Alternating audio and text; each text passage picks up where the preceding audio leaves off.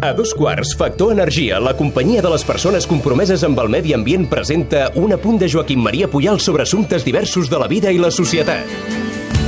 Bon dia, audiència. Avui és divendres 24 de maig. Entre els comentaris de tot ordre que s'han produït aquestes darreres hores al voltant de l'inici de la legislatura espanyola, m'ha interessat molt la columna que ha publicat a l'ara la crítica de televisió Mònica Planes. N'extrec algunes frases. Era un dia històric a les Corts Espanyoles, però la transmissió televisiva fingia que es tractava d'un dia qualsevol. Igual que ja va passar amb la realització del judici al Tribunal Suprem, s'han excusat dient que es tractava d'aplicar criteris institucionals i no pas periodístics. El resultat va ser un despropòsit. L'entrada dels diputats presos al Congrés i al Senat es va mostrar a l'inici, però les imatges que seleccionaven després delataven la voluntat d'amagar, de dissimular, l'excepcionalitat de la situació. Era molt difícil distingir Junquera, Rull, Turull i Sánchez al Congrés, i ja no diguem Romeva al Senat. El periodista Lluís Foix diu que en periodisme no hi ha mans innocents. A la realització, tampoc. I la manera com selecciones algunes imatges i en desestimes unes altres revela què vols explicar i què vols ocultar. Tant per tant, podrien haver posat un pla general fix, que és informativament més transparent i no fragmenta la realitat. El comentari de Mònica Planes em dóna peu a recordar que quan veus una transmissió per televisió no veus tot allò que tu veuries si fossis al lloc on passa. Demà el Barça juga a la final de Copa. Si tu vas al camp del Betis, durant el partit, tu podràs mirar on vulguis del teu voltant. En canvi, si el veus per televisió, tu no tindràs més remei que mirar la part de la realitat que t'ensenya la realització. Realitzar vol dir això, triar un dels diversos plans que les càmeres ofereixen al realitzador, que és qui decideix allò que tu veuràs.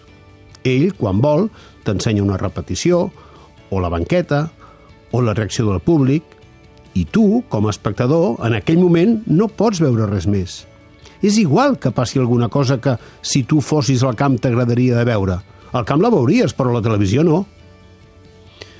És clar que això és inherent a tota mena de transmissions. Ha passat sempre.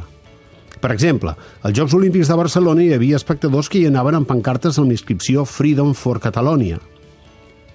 La realització televisiva no mostrava cap.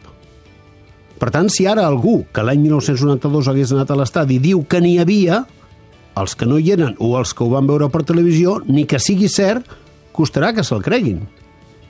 I encara passa una altra cosa. Si busquem a la biblioteca les imatges televisives com a prova documental, no les trobarem. Perquè la majoria de pancartes no van ser enregistrades, perquè no van ser meses. I així passarà la història. De tots aquests comentaris es dedueix la gran responsabilitat dels mitjans de comunicació. Una responsabilitat cada dia més diluïda perquè la gent s'acostuma de pressa als fets consumats. S'ha acostumat que els interessos polítics i econòmics influeixin en els mitjans convencionals i també accepta rebre com a informació periodística allò que no ho és. Perquè, és clar, una transmissió que s'identifica com a senyal institucional, per lògica, el que farà abans que res és servir els interessos de la institució que el produeix, no els de les persones que el veuen. La transmissió del judici o la de l'altre dia no són periodístiques, són institucionals. El problema és que l'espectador, quan les rep, no en fa la distinció. La mirada d'en Puyal és una exclusiva de Factor Energia.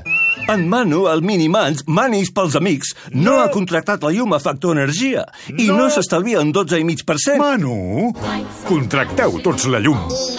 A factorenergia.cat i no farem més anuncis. Per fi hi ha un altre llum. Factor Energia. Empresa col·laboradora amb la Barcelona Equestrian Challenge.